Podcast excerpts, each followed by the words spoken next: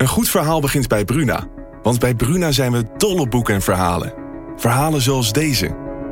De mist kwam uit de baai opzetten en besloop langzaam het Victoriaanse huis op Blake Street. Drong door de houten kieren naar binnen en bleef in dunne sliert in mijn kamer hangen. Ik lag te rillen onder het dunne dekbed. Wil jij weten hoe dit afloopt? Je leest het in In de mist van Golden Gate Park van Murat Isik. Nu bij Bruna. Een goed verhaal begint bij Bruna. Want bij Bruna zijn we dol op boeken en verhalen. Verhalen zoals deze. Het nieuws reist je snel, zoals dat soort nieuws doet. Ik wist dat het ook over jou ging, zodra het eerste bericht uit Parijs kwam. Bijna zes jaar geleden nu. Op een vrijdag de dertiende. Een datum als een slechte grap. Jij was de rook, Flo, en op jouw profiel bleef het stil. Wil jij weten hoe dit afloopt? Je leest het in Luister van Sascha Bronwasser. Nu bij Bruna. Dan is er ook nog sprake van een mogelijk lijntje richting Duitsland. Er is een kleine kans dat ze die kant op is gegaan. Ja, voordat haar biologische vader Willem Dorst haar moeder ontmoette... zou hij een relatie met een Duitse vrouw hebben gehad. Je luistert naar de podcast Het Verdwenen Meisje over Willeke Dost, die in 1992 spoorloos verdween toen ze 15 jaar oud was. Die is vast weggelopen, werd lang gedacht. Pubermeisjes lopen tenslotte wel vaker weg. Mijn naam is Jeroen Kelderman en ik volg de zoektocht van journalist Aniek Oosting naar dit verdwenen meisje. Hoe kan het dat we na 30 jaar amper meer weten dan dat haar bed leeg was?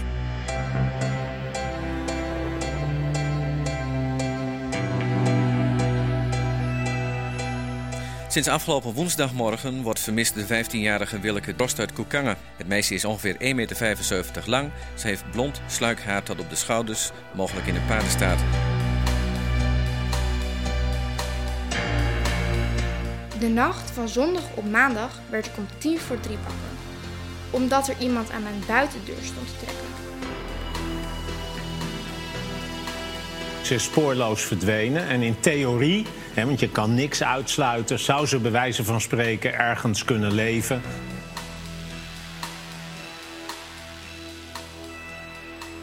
In de zaak Willeke Dost heb je alleen maar verhalen. Bewijs is er amper. En daarom kan bijna elk scenario dat je kunt bedenken waar zijn. Weggelopen, misdrijf in de boerderij, zelfmoord of meegenomen worden door iemand met slechte bedoelingen. In deze slotaflevering kijken we naar wat er gebeurd kan zijn met Willeke Dost. Dit is aflevering 6, de scenario's. Wat als ze jarenlang in Groningen leefde? Het kan. Sterker nog, het kan heel goed. Het intrigerende is dat je voor elke theorie ondersteunend materiaal kunt vinden. Zo stuiten we in ons onderzoek op een verslag van een medewerkersvergadering op 24 augustus 1993 van het inloophuis in Groningen. Hierin komt een Willeke voor. Jeroen Kelderman belt met oud-medewerker Saskia Ozinga, die deze Willeke kende. Uh, nou, we hadden dus inderdaad een, een Willeke die in het inloophuis kwam. En um, Willeke die, ja, die zwierf op straat, die was... Uh, ja, wij dachten ook dat ze dakloos was. Uh, ze was altijd wel in de war, slecht verzorgd. En het was ook echt een kwetsbaar meisje waarvan je eigenlijk zoiets had... wat doet hij op een tippelzone? Die hoort daar helemaal niet. want heb je enig idee hoe oud zij was destijds? Nou, ze was wel heel jong, maar wij wisten ook geen achternaam. Wij deden ook eigenlijk nooit aan achternamen in het inloophuis. Het was ook een andere tijd en het was ook voor ons, ging het om de voornaam. Of als iemand een bijnaam gebruikte, dan... Uh, was dat ook akkoord.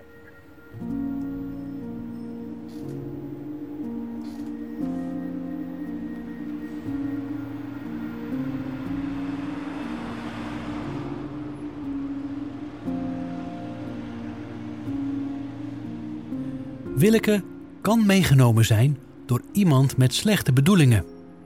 In het eerste politieonderzoek in 1992 werd daar amper naar gekeken zoals we in de eerste aflevering al vertelden. Terwijl het wel een realistisch scenario kan zijn. Zeker als je bedenkt dat Willeke een forse hechtingsproblematiek had. Fred Verasdonk was de begeleider van Willeke vanuit therapeutische gezinsverpleging in Groningen. En hij vindt het scenario heel aannemelijk. Wij, wij, maken wel contact met elkaar, maar we houden ook van nature afstand, omdat we elkaar nog niet goed genoeg kennen. Ja. En deze kinderen hebben dat dan bijvoorbeeld niet. Dus dat, dat herken je van, die zijn veel te vrij in het gedrag. En uh, ik denk dat dat mogelijk bij Willeke ook een rol gespeeld heeft op haar, in haar puberleeftijd. Ze is mensen tegengekomen waarvan, denk ik, uh, uh, zij iets, ook iets moois is voorgespiegeld. En ja, deze, mensen, deze kinderen die, die, die, die trappen dan veel eerder in zo'n val ja, zeg ik even tussen aanhalingstekens, dan, uh, dan doorsneekinderen. Die voelen aan van hier klopt iets niet. Mhm. Deze kinderen voelen dat vaak niet. Voor we dieper ingaan op de hechtingsproblematiek, eerst even terug naar het begin.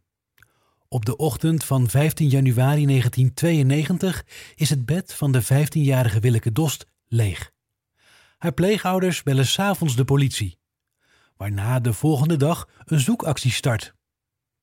Aangenomen wordt dat Willeke is weggelopen. Niet zo gek, zegt Verasdonk. En dan ga je op een rij zetten van waar zou ze kunnen zijn. Ik heb al meer kinderen eh, gehad die zijn weggelopen.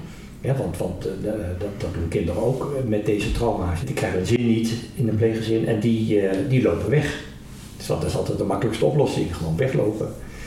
Maar als dan vrij snel blijkt van, maar er zijn, is geen enkele aanleiding om, om maar een, een, een, een verbinding te maken naar iets waar ze zou kunnen zijn ja, dat gaat bij mij spelen van dan is ze mogelijk met iemand meegegaan.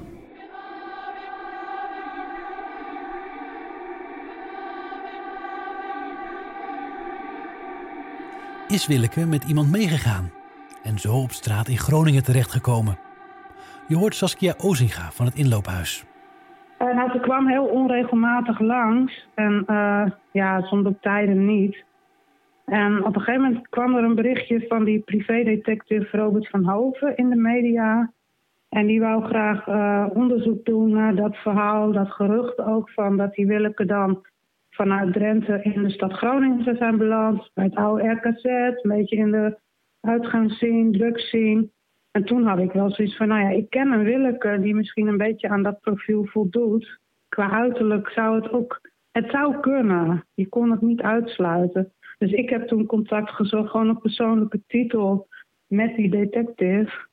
En toen uh, ja, hebben we een paar keer contact daarover gehad. En hebben we ook nog op de tippelzone gekeken of we deze Willeke konden vinden. Uiteraard lukte dat niet. En ik ben haar ook helemaal uit het oog verloren daarna. Maar er moeten wel mensen, denk ik, bij hulpverleningsinstanties in de stad Groningen zijn. Die wel weten ja, waar ze gebleven is, wat er met haar gebeurd is. En of het dezelfde Willeke is of dat het een heel ander iemand is. Want dat spoor, dat weet ik dus niet. Of dat dus een los eindje gebleven is. Of dat het helemaal uitgerechercheerd is. Groningen was geen onbekende plek voor Willeke. In die stad werd ze behandeld aan haar hechtingsproblematiek. Dit houdt in dat ze weinig identiteit had en ze was vatbaar voor beloftes en mooie praatjes. Je hoort opnieuw Fred Verasdonk je, je staat niet met beide benen op de grond. En eh, wat er tussen gebeurt, dat, weet ik ook niet. Maar ik, ik, ik, soms ga je het invullen. Daarom heb ik toen ook aan die loverboy problematiek moeten vullen. Van dan wordt er iets voorgespiegeld van, ik heb een betere wereld voor jou. Als het meisje gaat klagen over dingen die er niet goed gaan in haar leven, op school niet of in het gezin niet. En, en er komt iemand die zegt van, oh, maar ik kan je er wel bij helpen, enzovoort, enzovoort. Ja, dan, dan zulke mensen die, die kunnen, dat is het gekke, binnen no time het vertrouwen tussen aanhalingstekens krijgen van, van het kind.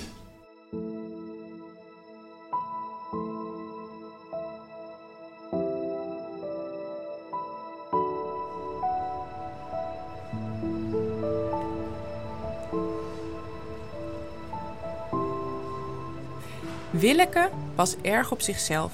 Ze fietste alleen naar Staphorst of naar school in Meppel kan ze tijdens zo'n tochtje iemand zijn tegengekomen die haar een mooie toekomst voorspiegelde? Ja, dat kan. Elke vrijdag ging Willeke alleen met de trein van Meppel naar therapie in Groningen. Ze zat dan ongeveer drie kwartier alleen in de trein. Dat mailde pleegbroer Wout ons eerder. Zijn stem is ingesproken door een acteur. Ik zat ooit met Willeke in de trein vanuit Groningen en toen vertelde ze dat ze een vriendje had.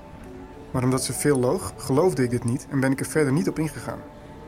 Tegen haar creatief therapeut Esther Nathan heeft ze gezegd dat ze iemand had leren kennen op het station van Meppel. Met die man had ze op de een of andere manier contact.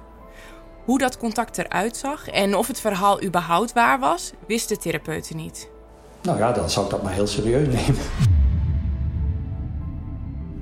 De politie werkt in 1992 anders dan tegenwoordig. Het onderzoek is vooral gericht op het terugvinden van een weggelopen meisje.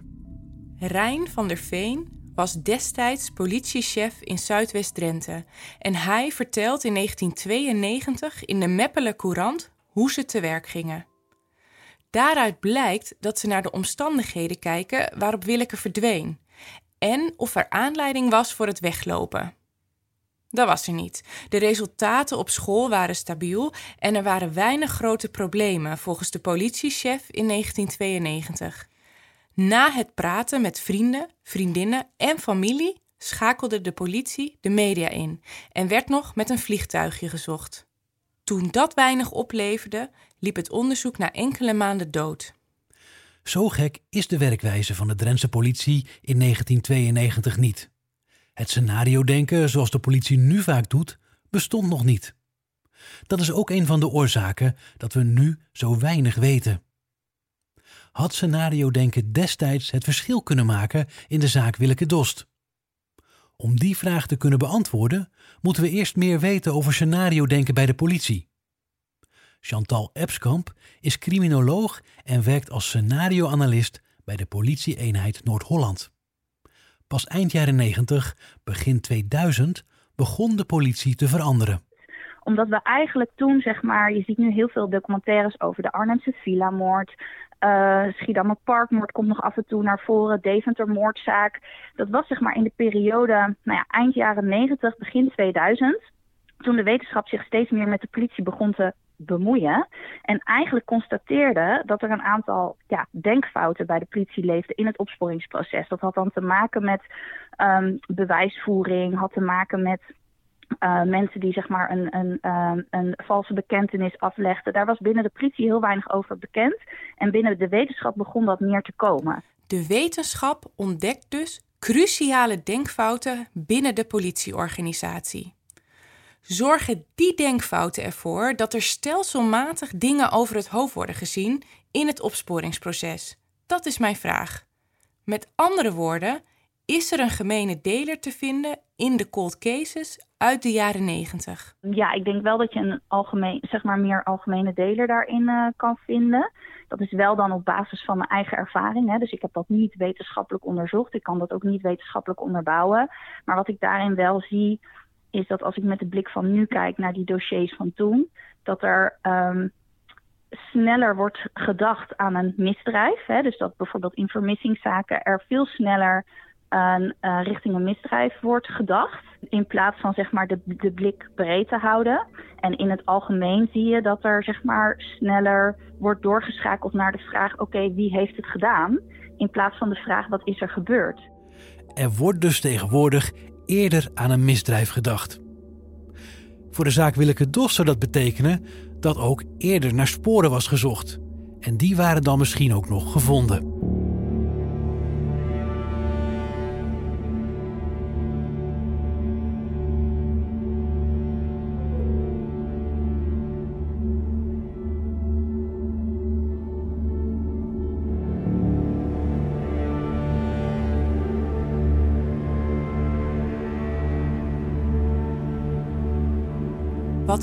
Opvalt is dat de problematiek van het slachtoffer amper een rol speelt bij de opsporing. Je ziet dat in de zaak Willeke Dost. Begeleider Fred Verastonk weet veel over de persoonlijkheid en het gedrag van Willeke, maar werd amper betrokken in het eerste politieonderzoek. De problematiek van het slachtoffer werd destijds ook met name in de media niet zo, niet zo naar voren gebracht. Hè? Nee. Dus omdat mensen zich daar ook voor schaamden. Ik denk dat inmiddels 2021 er veel meer ook openheid is. En dat is ook een belangrijke maatschappelijke ontwikkeling. Van hé, hey, je mag ook beschadigd zijn, psychische problemen hebben, weet je. Ja. Ehm, en destijds was dat, was dat toch niet zo. Dat denk ik dat iets is. En ik denk ook dat het iets is wat ook bij familie en betrokkenen heel erg meespeelt. Dat nou ja, als iemand eigenlijk niet zo lekker in zijn vel zit, uh, misschien wel zelfs zwaar beschadigd is of uh, dat je dat niet zo snel in de media gaat brengen. Ook omdat je misschien wel bang bent, ja, als ze dat weten, dan nemen ze het misschien niet meer serieus. Had het verschil gemaakt als de problematiek van Willeke was meegenomen in het onderzoek? Als de politie zich destijds meer had verdiept in hoe kwetsbaar ze eigenlijk was? Waren dan andere keuzes gemaakt? Heeft de politie bijvoorbeeld op straat in Groningen gekeken? Het lijkt er niet op. Je hoort Saskia Ozinga van het inloophuis weer. Deze Willeke, als het Willeke Dost zou zijn, dan zou je verwachten met het leven wat zij leiden als dakloze, uh, in contact met justitie, in contact met de GGZ. Ja, dan zouden ze wel moeten hebben geweten of het haar was of dat het iemand anders was. Maar ja, aan de andere kant had ook niemand toen een ID-kaart. Dat was toen ook niet verplicht, dus zeg het maar. Is het mogelijk dat Willeke een jaar na haar verdwijning ongezien in Groningen rondloopt? Je hoort het na deze boodschap. Mijn naam is Theresa Langeler en ik ben verslaggever Klimaat en Duurzaamheid bij Dagblad van het Noorden. Ik vertel je bijvoorbeeld hoe je duurzaam op vakantie gaat, wat in het nieuwste klimaatrapport staat en hoe Noordelingen zelf groene energie opwekken. Zulke verhalen kosten tijd en geld om te maken. Neem nu een digitaal abonnement op Dagblad van het Noorden, zodat ik dit soort producties kan blijven maken.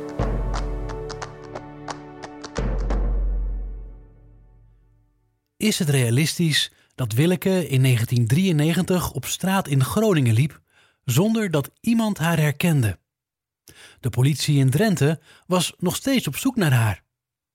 Oud-rechtbankverslaggever en onderzoeksjournalist Rob Zelstra vertelt dat in de jaren 90 weinig informatie werd uitgewisseld tussen de verschillende politiekorpsen. Je moet het onderzoek plaatsen in de jaren 90. En uh, de politie in Nederland bestond op dat moment uit de 26 uh, politiekorps. En dat waren eilandjes. Uh, er werd natuurlijk wel met elkaar gepraat, maar het uitwisselen van informatie, dat, uh, dat verliep moeizaam. Bijvoorbeeld het politiekorps Groningen en het politiekorps Drenthe hadden verschillende systemen. Uh, daar kon je niet zomaar ja, informatie met elkaar delen. En dat heeft in veel grotere onderzoeken ja, het verloop wel belemmerd.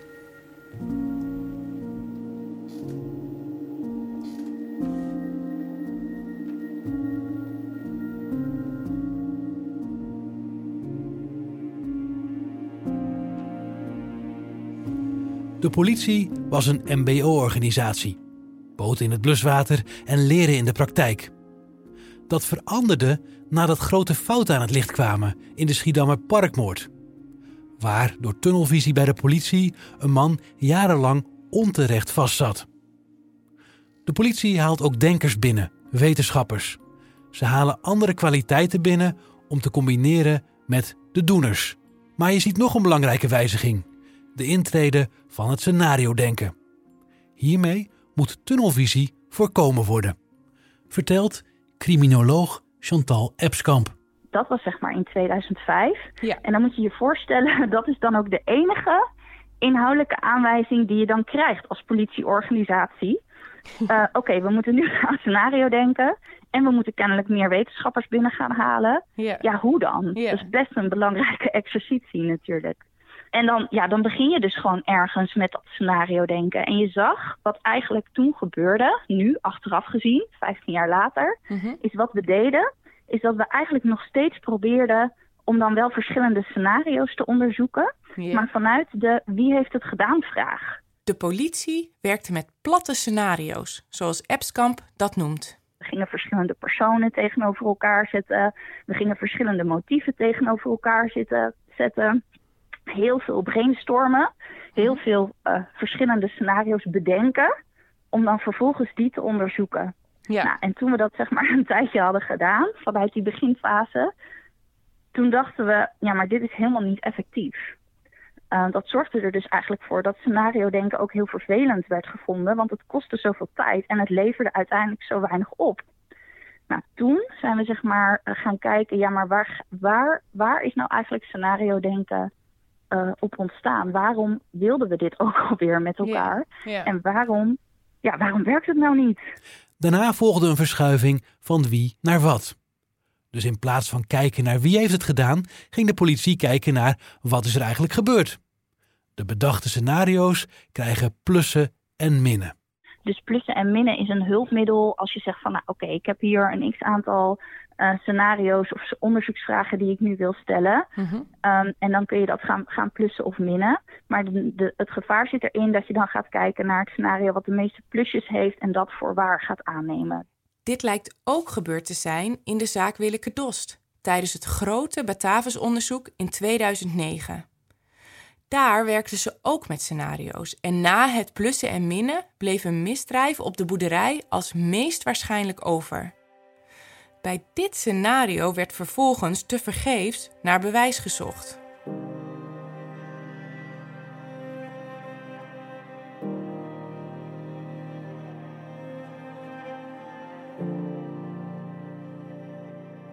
Weinig feiten, veel verhalen. Het hoort bij een vermissingszaak en daarom is bijna alles mogelijk. Eén scenario benoemden we al eerder. Willeke liep weg om met iemand mee te gaan die haar een mooie leven beloofde. Voor dit scenario spreekt haar problematiek en haar gedrag vlak voor de verdwijning. Ze was opmerkelijk vrolijk, zo memoreerden we al in de eerste aflevering. Tegen dit scenario, het komt amper voor, zo'n ontvoering door bijvoorbeeld een seriemoordenaar. Al mag je het nooit helemaal uitsluiten, zegt Ilse van Leiden, criminoloog bij de politie en gespecialiseerd in vermissingen. Dat is natuurlijk ook een scenario. We hebben Koos Hertog, daar hebben we nog wel meer gehad. Maar als je het hebt over minderjarige meisjes, heb je natuurlijk Koos Hertog zelfs.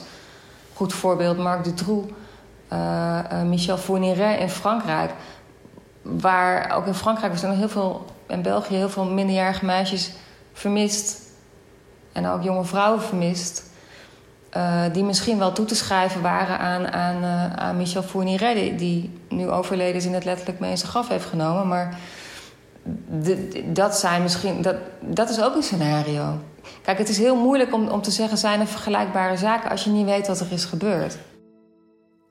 Kan dat inderdaad ook een optie zijn in de zaak Willeke Dost? En zo ja, welke? De FBI zegt dat er sprake is van een seriemoordenaar als iemand twee slachtoffers heeft gemaakt bij verschillende misdrijven. Deze moordenaars hebben vaak een eigen methode en een specifieke voorkeur qua slachtoffers. Vaak hebben ze ook een seksuele stoornis en sadistische neigingen. Maar dat hoeft niet. De meest bekende seriemoordenaars komen uit de Verenigde Staten. Maar heeft Nederland ze ook? Ja, ook Nederland kent verschillende seriemoordenaars. Maar we hebben er weinig ervaring mee. Zo vertelt oud-rechtbankverslaggever en onderzoeksjournalist Rob Zelstra. Nee, Nederland heeft uh, niet veel ervaring met uh, seriemoordenaars. Simpelweg omdat er niet zoveel zijn. Wil je een top 10 maken, dan uh, moet je beginnen met zaken die zich afspeelden in de 18e eeuw. In Groningen was in de jaren 90 een seriemoordenaar actief. Willem van Eyck is veroordeeld voor de moord op drie vrouwen in de regio Groningen. Zo vermoordde hij in 1993 een 23-jarige Roemeense tippelaarster en twee jaar later een straatprostituee. In 2001 vermoordde hij zijn laatste slachtoffer. Zou hij Willeke vermoord kunnen hebben? Ja, dat kan. Uh, Willem van Eyck is uh, eigenlijk de meest bekende seriemoordenaar van Nederland.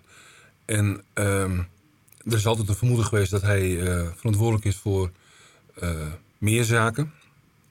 Maar zeker weten doen we dat niet. En ja, als je het niet weet, dan, dan is er altijd ruimte om, uh, om te speculeren. En, en dat is ook wat er gebeurt. Wat maakt het zo moeilijk om een moord op te lossen als motief of lichaam ontbreekt? Omdat je geen beginpunt hebt. De politie spreekt altijd van een plaatsdelict. De plek waar het misdrijf is gepleegd. En zo'n plaatsdelict bestaat uit sporen. Die, die zijn daar. Uh, maar als je geen plaatsdelict hebt, heb je ook geen sporen. En ja, als je geen sporen hebt, waar moet je dan beginnen met je onderzoek? Uh, en daarbij geldt ook dat dat heel veel uh, moordzaken uh, worden opgelost uh, ja, zonder groot onderzoek. Hè. Dan, dan is het al, al direct duidelijk wie de dader is. Of ja, is er sprake van toeval. Wat ik eigenlijk denk bedoel is, is een beetje geluk. Je moet ook een beetje geluk hebben. Hè? Dat dekt denk ik de lading meer dan, dan het begrip toeval.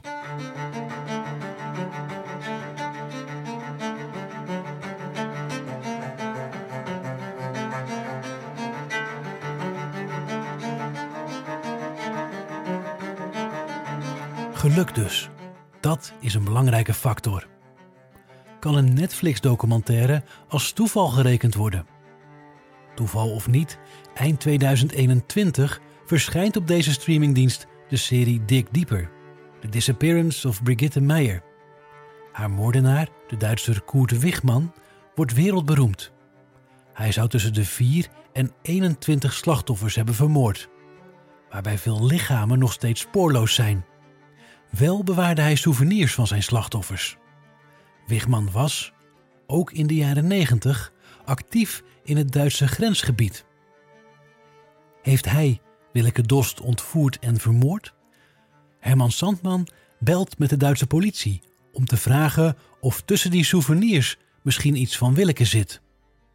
De politie in Luneburg is verbaasd dat een journalist contact opneemt, terwijl ze nog nooit iets gehoord hebben van de politie uit Nederland.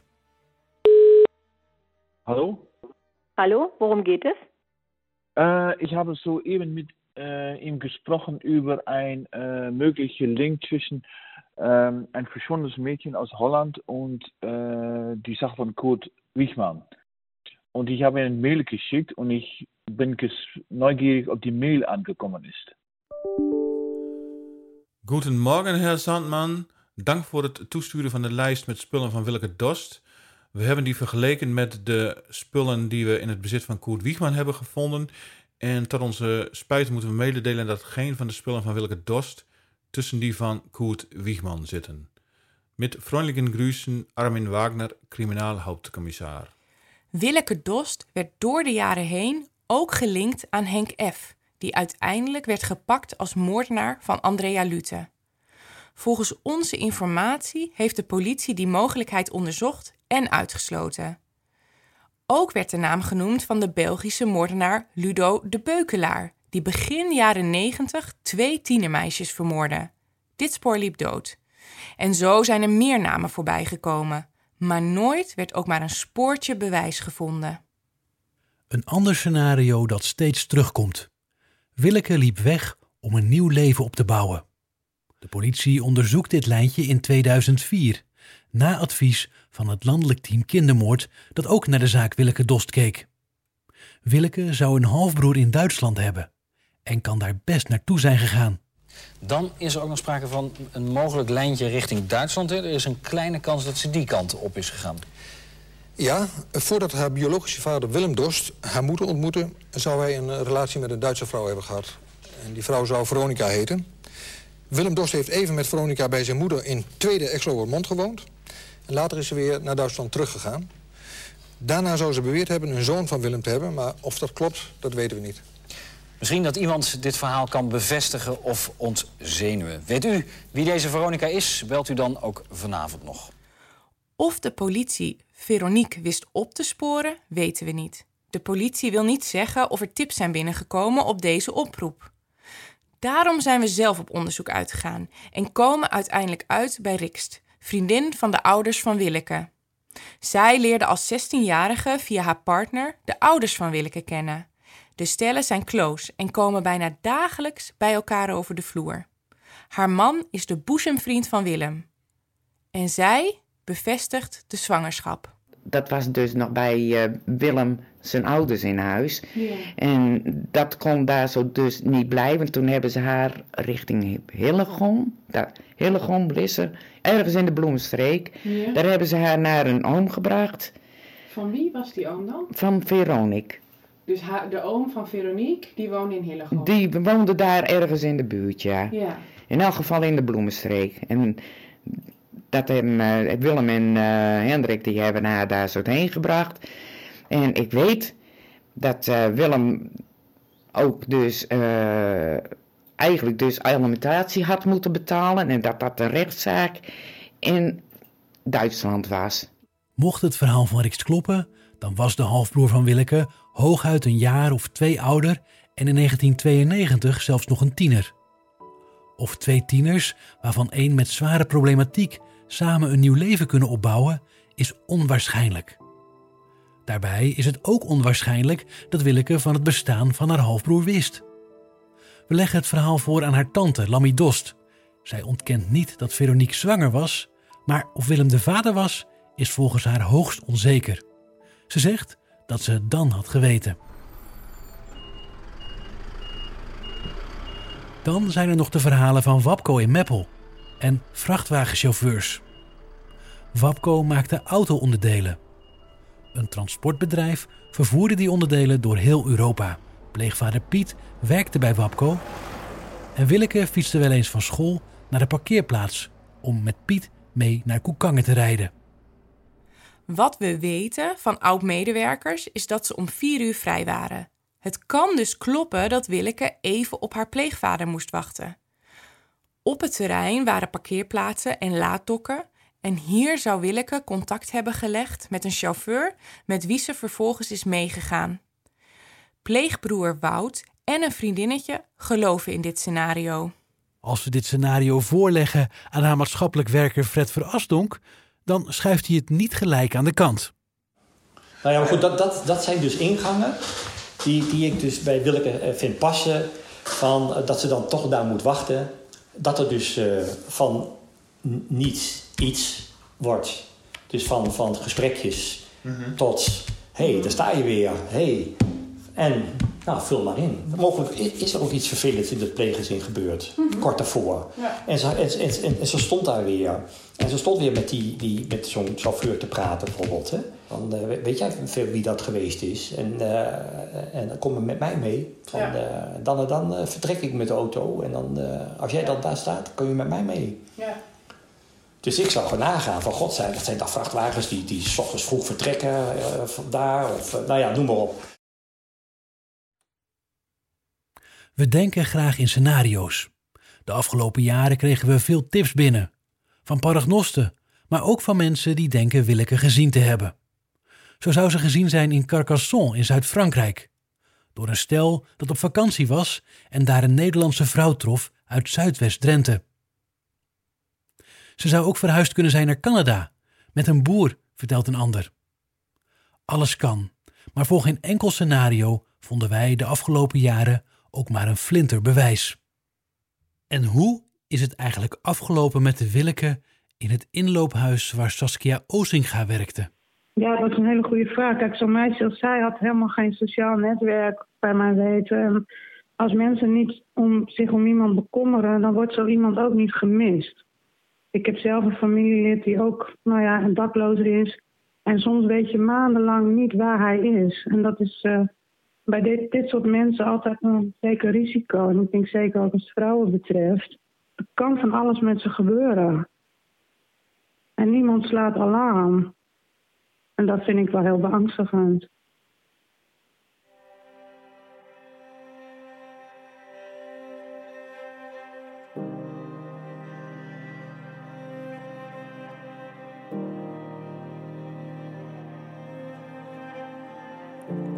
Komen we terug bij de hoofdvraag van onze zoektocht.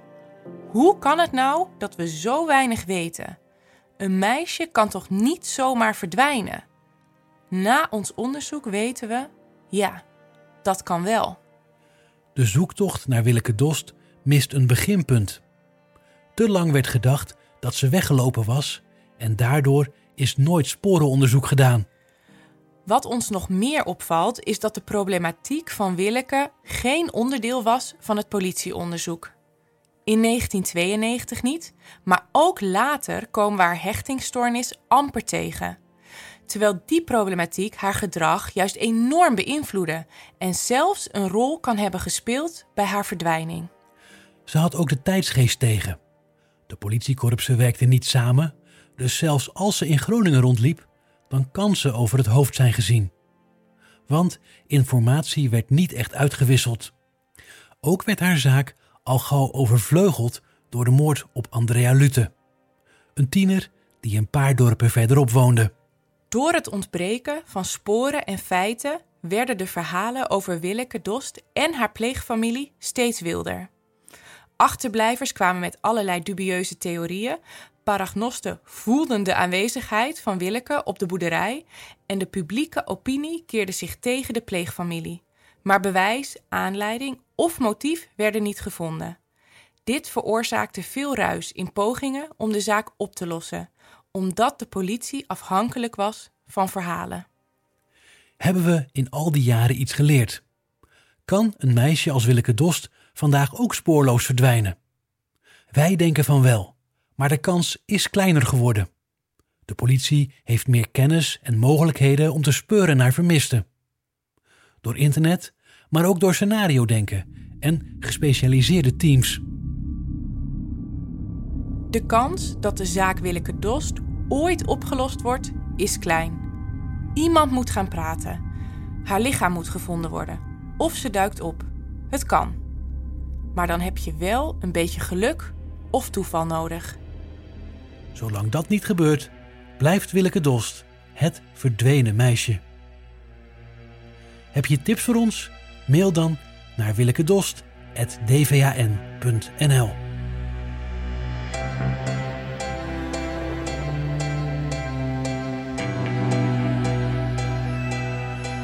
Deze podcast werd gemaakt door Aniek Oosting, Herman Sandman, Jantina Russen en mijn naam is Jeroen Kelderman. Met dank aan Gert Meijer en Frank Jeuring. Speciale dank aan Ed van Tellingen, die zijn herinneringen en archief met ons wilde delen. De stem van Willeke werd ingesproken door Noor en die van pleegbroer Wout door Stef Altena. Het historische audiomateriaal dat je hoorde hebben we gebruikt met toestemming van RTV Drenthe.